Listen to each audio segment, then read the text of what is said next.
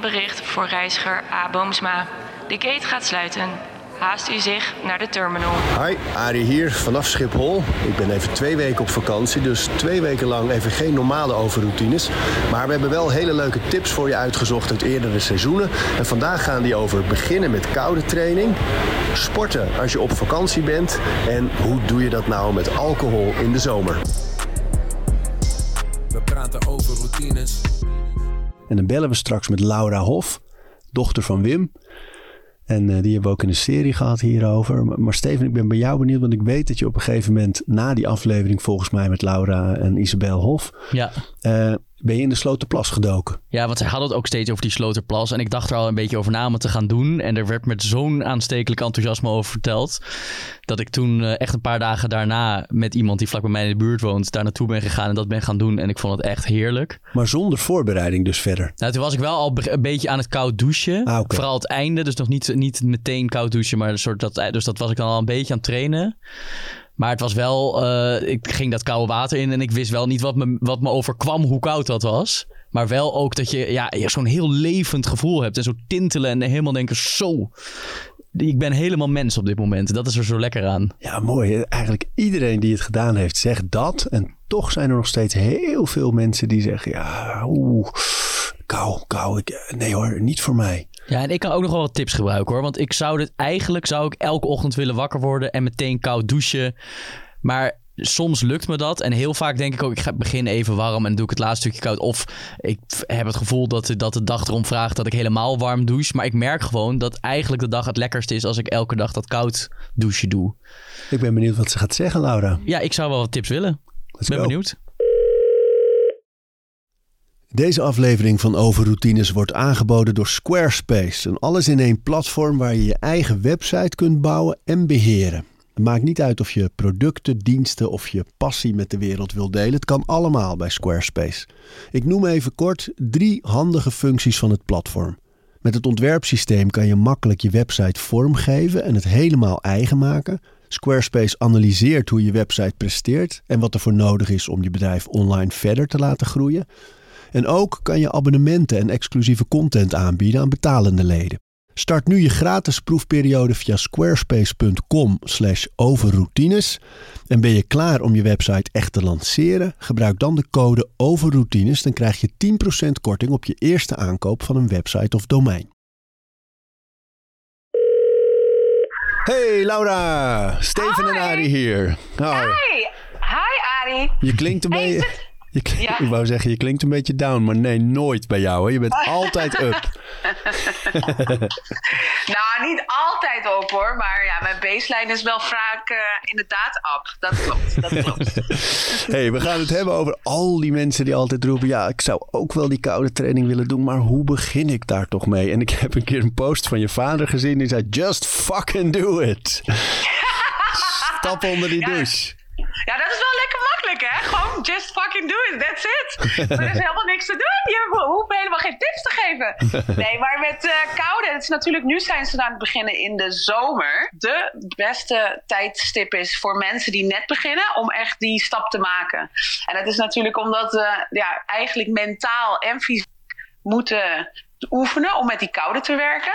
Dus ik zou zeggen altijd, ja, als je wil beginnen met eh, koude training, begin dan in de zomer. En eh, ik, ik zou denken natuurlijk de koude douches, die zijn nu redelijk warm. Ja. Voor heel veel mensen die al getraind zijn en die al vaak die koude douche ne- nemen. Eh, maar er zijn natuurlijk meerdere manieren om dat te doen. En je kan natuurlijk nu ook lekker de natuurwater ingaan. En eh, ik weet niet of, eh, hoe het zit met jullie, eh, maar heel veel mensen die gaan bijvoorbeeld naar Spanje of naar Frankrijk. Nou, ook vaak van Oost-Europese landen. En wat je daar hebt, oh my god.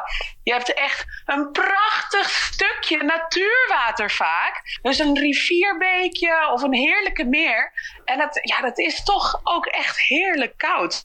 Ja, die blijven nog Ja, best koud, hè? Want, Maar dat is echt, het gaat om eh, het contrast. Dus zelfs als je bijvoorbeeld eh, al vaak koude douches doet, je doet dat je, je de hele tijd al in de zomer en de winter, en je gaat naar Dubai. Ja, het gaat om dat contrast tussen gevoelstemperatuur, dus de temperatuur die je buiten hebt, en nu is het heel warm, en dan het contrast met die douche. En vaak is dan toch, eh, toch een, wat jij beschouwt als warme douche, ja, dat voelt dan toch koud aan. En voor ons systeem, dus ons cardiovasculair systeem, gaat het uiteindelijk ook om contrast. Dus dan hebben we het over dichtknijpen en openknijpen van die haarvaatjes.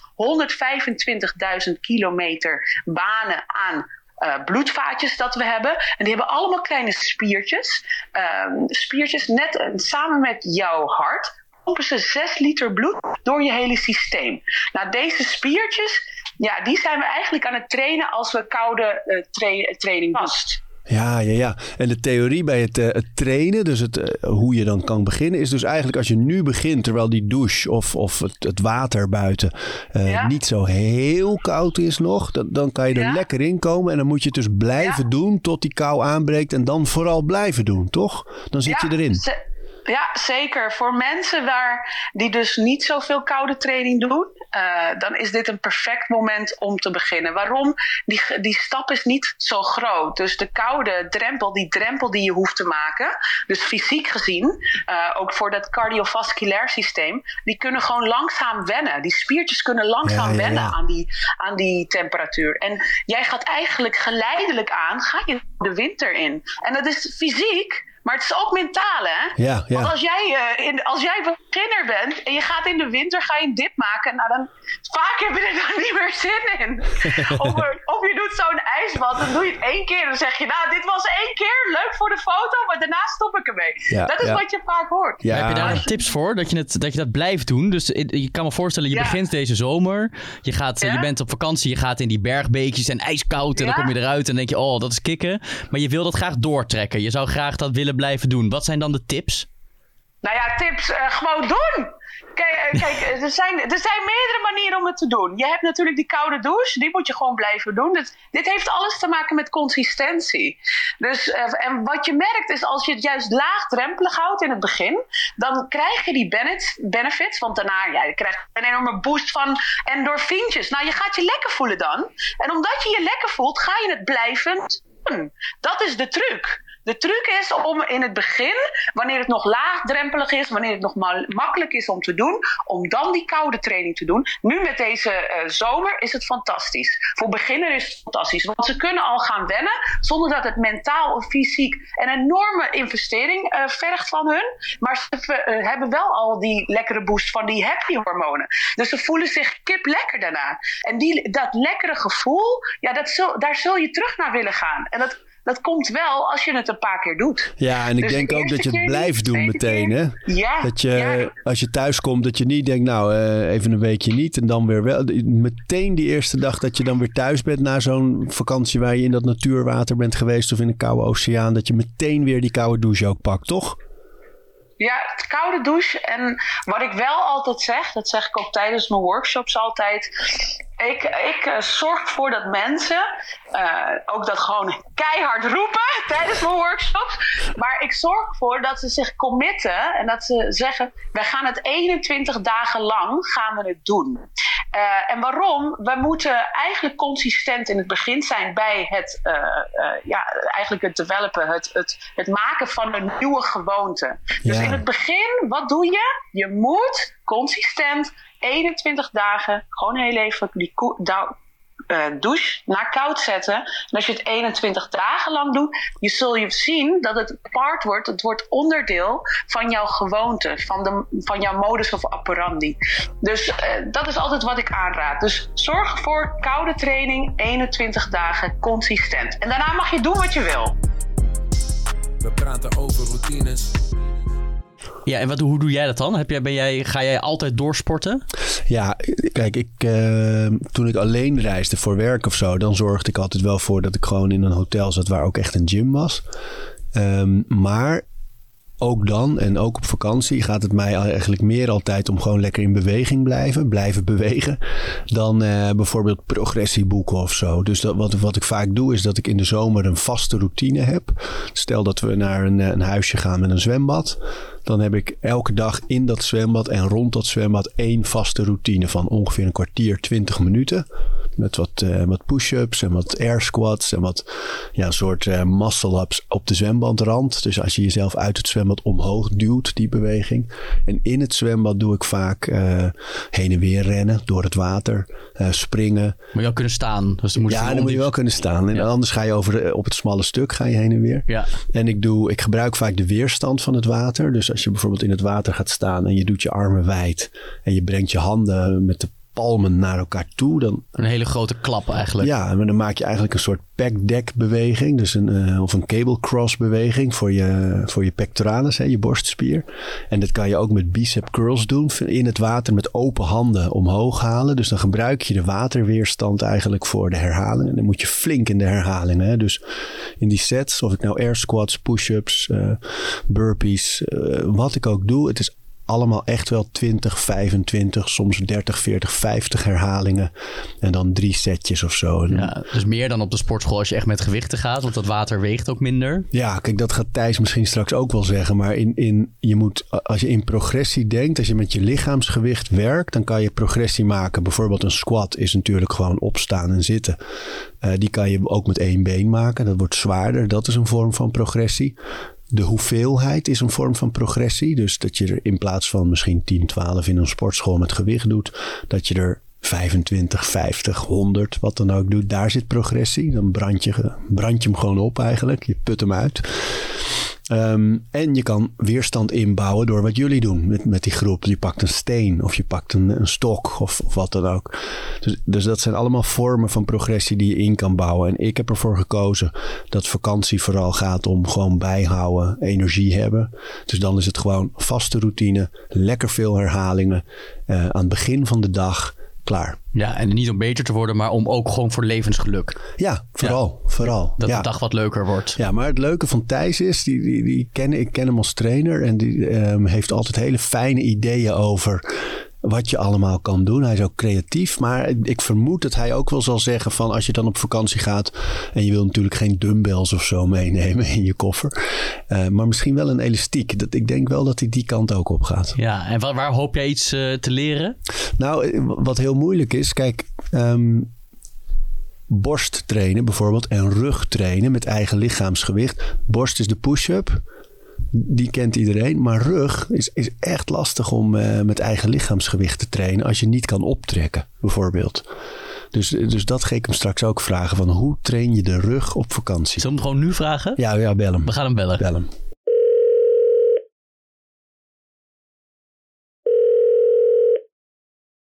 Hey, met Thijs. Hey Thijs, hoe is het? Ja, goed hoor. Jullie? Big Tissa, daar is hij. De ja, ik heb net al project IJzersterk lopen ophemelen.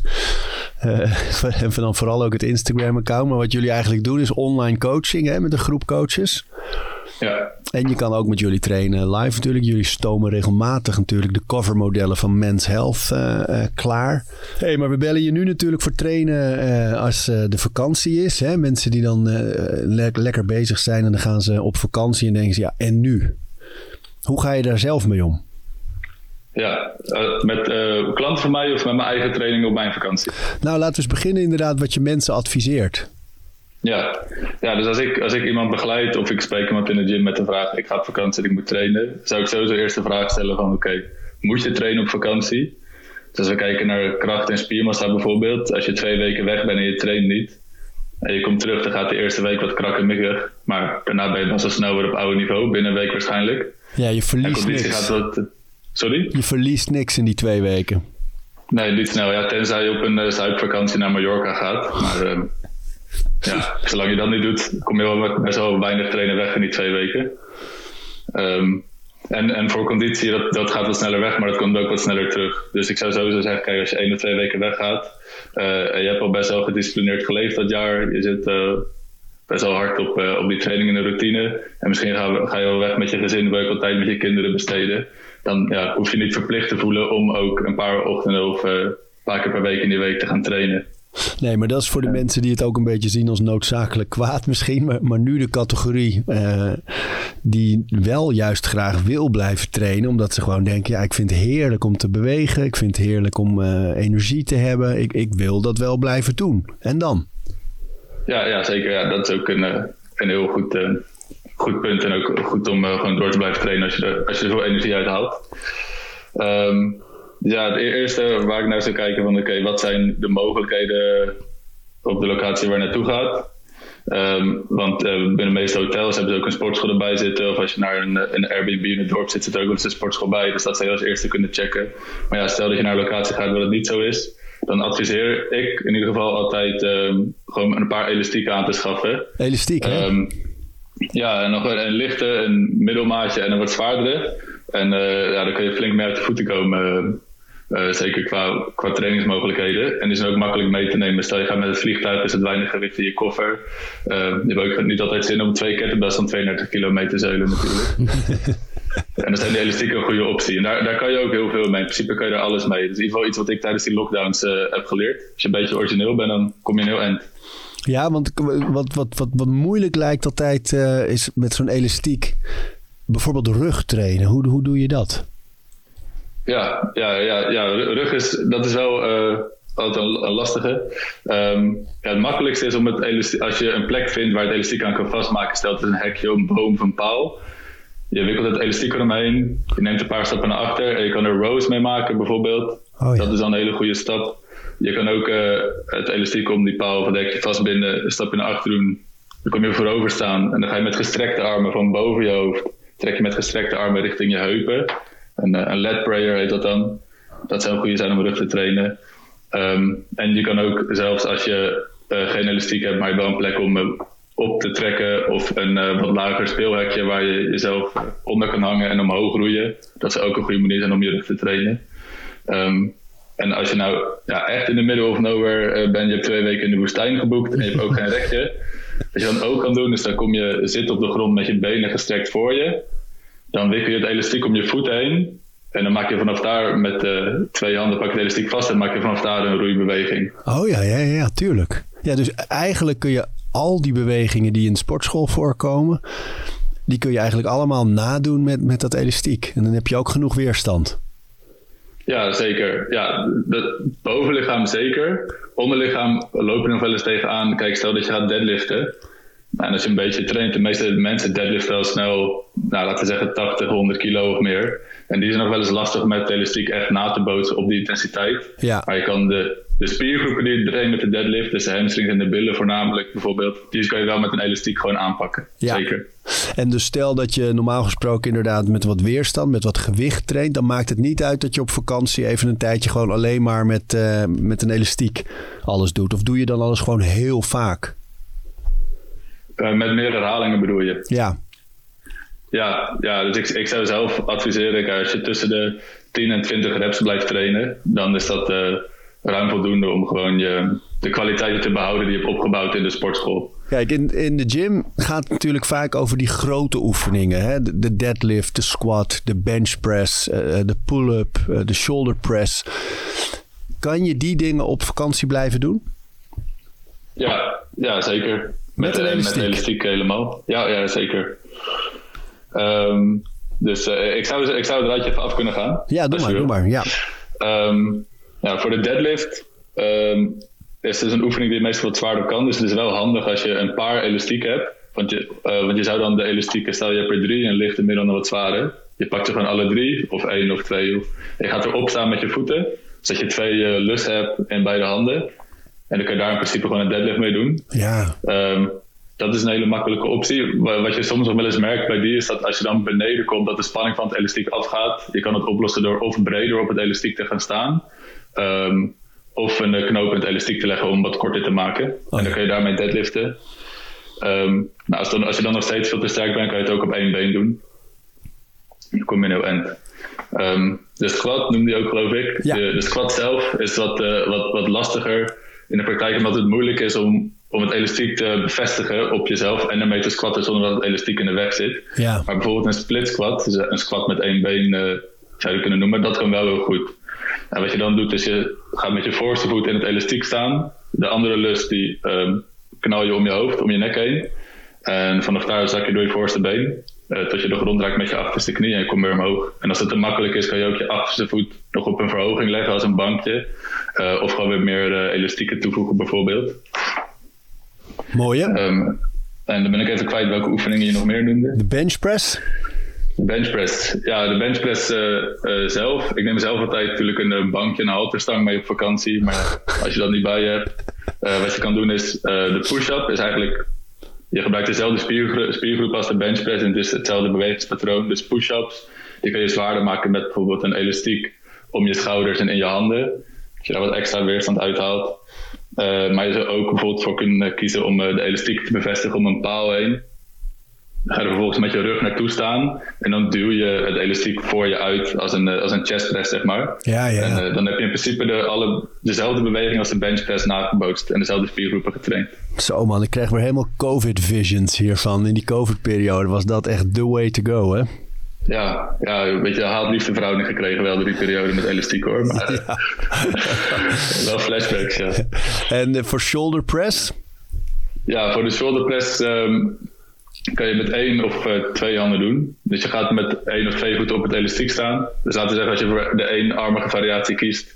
Uh, als ik met mijn rechterhand de shoulder press ga doen, heeft mijn hand het elastiek vast. Uh, de andere einde van, het andere einde van het elastiek doe ik onder mijn voet. Maak vanaf daar een shoulder press.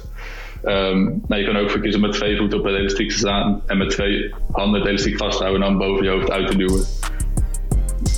We praten over routines ja, ik denk, vind het heel waardevol voor iedereen om eens te kijken welke rol speelt alcohol dan in je leven en welke rol speelt het vooral als het er even niet is. En helemaal in een zomer vol evenementen, concerten, festivals, ja, drink je niet. Hoe, hoe beleef je die dan? Zullen we daar eens over gaan bellen? Wie hebben we? Sander Hogedoorn. Oh, ja, Die heeft zeker. een hele poos niet gedronken. En die heeft dus heel goed, want die heeft toch een heel levendig uh, radio-dj bestaan. Mr. Festival ook wel, geloof ik. Ja, dus gaan we eens even kijken hoe hij dingen beleeft als hij niet drinkt of een beetje drinkt. Uh, hij heeft vast wat antwoorden voor ons. Leuk.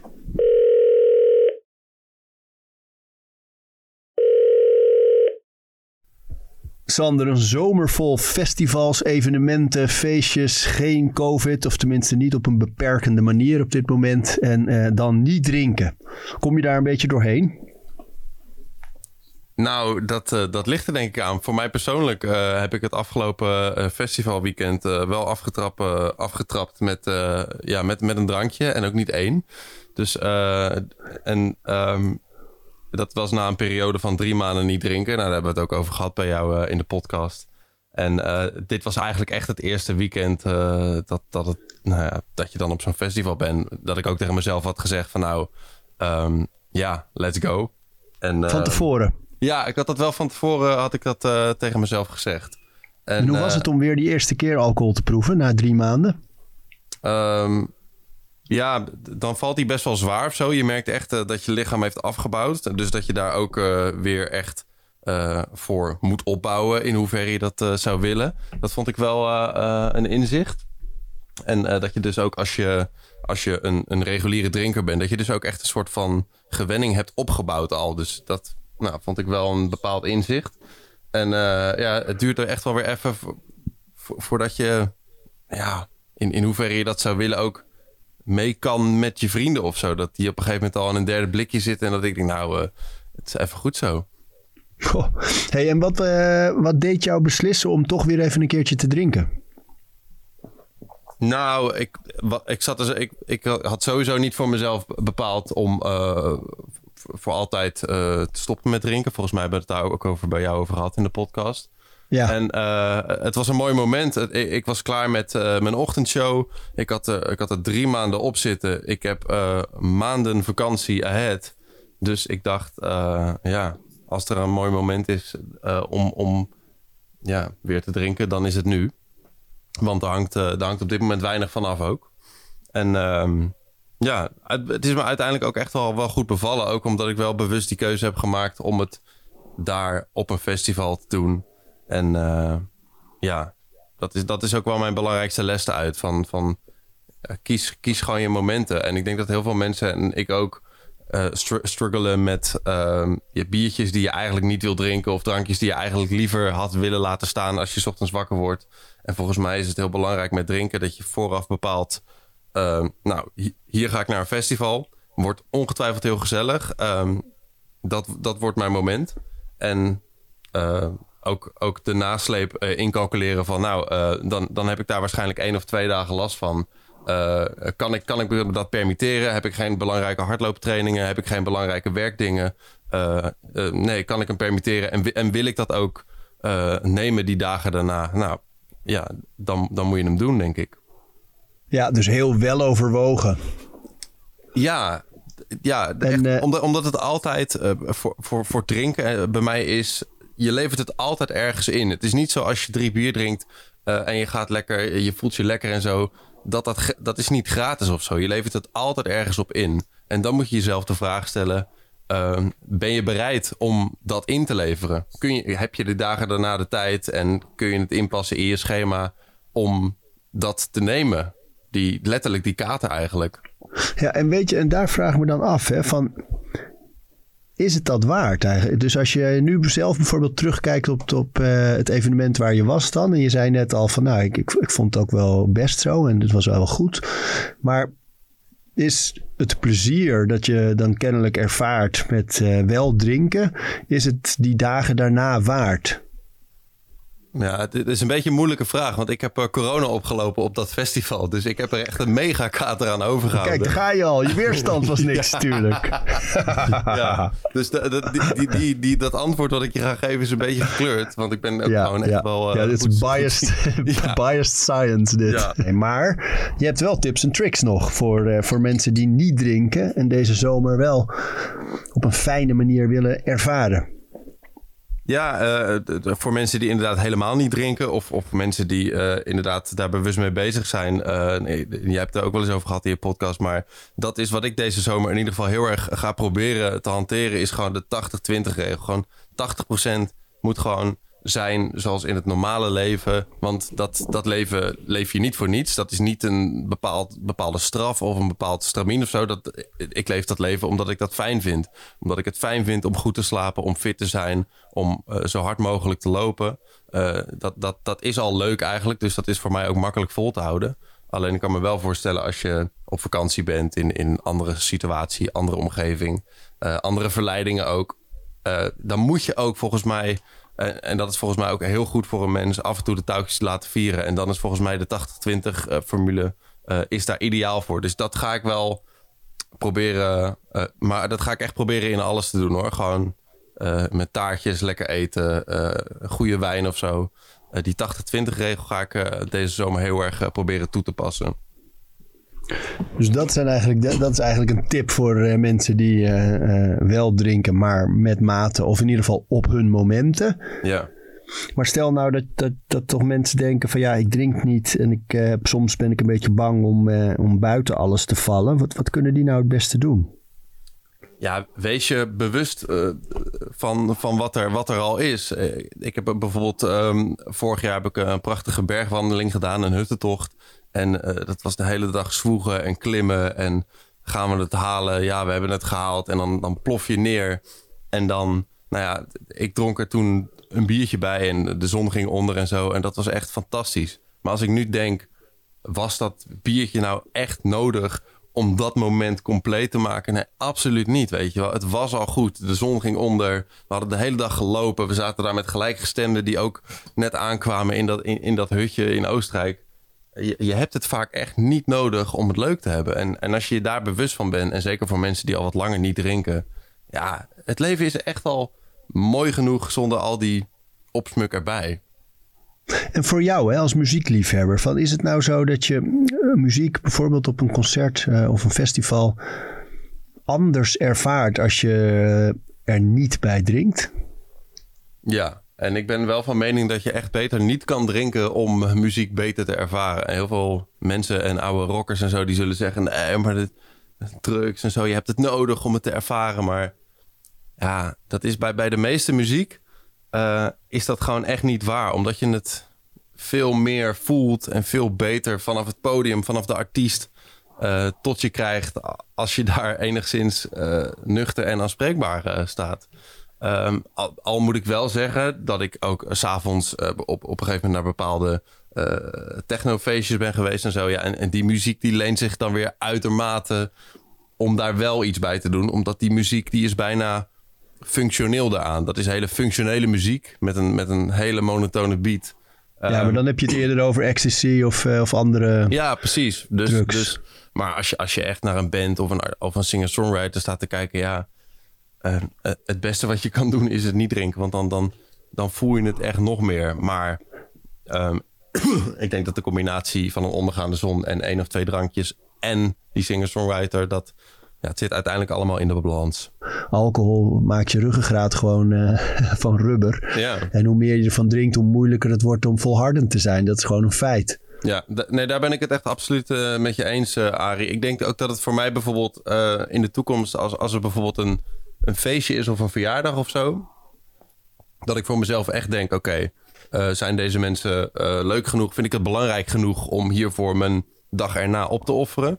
Uh, of ik ga gewoon niet drinken op die verjaardag. En niet inderdaad dat, dat gelul met twee of drie en dan, en dan naar huis. Ik denk dat dat gewoon echt niet werkt. En, want, want dan ga je jezelf ook alleen maar schuldig voelen van... oh ja, dan heb ik er vier gedronken of vijf... en ik had met mezelf drie afgesproken. Nee, als je gaat, ga dan ook. En geniet er dan ook echt van. Weet je wat? Het, grappige hieraan is dat we uiteindelijk, we hadden een beetje voor ogen zo, we gaan allemaal tips en tricks geven voor die mensen ook nog kunnen doen of hoe ze. En er zijn natuurlijk meer dan genoeg dingen, maar het, het klinkt een beetje alsof de beslissing gewoon vooraf zit. Dus op het moment dat je hebt gekozen bijvoorbeeld de zomer niet te drinken, ja, dan, dan kan je nog steeds overal naartoe en alles doen.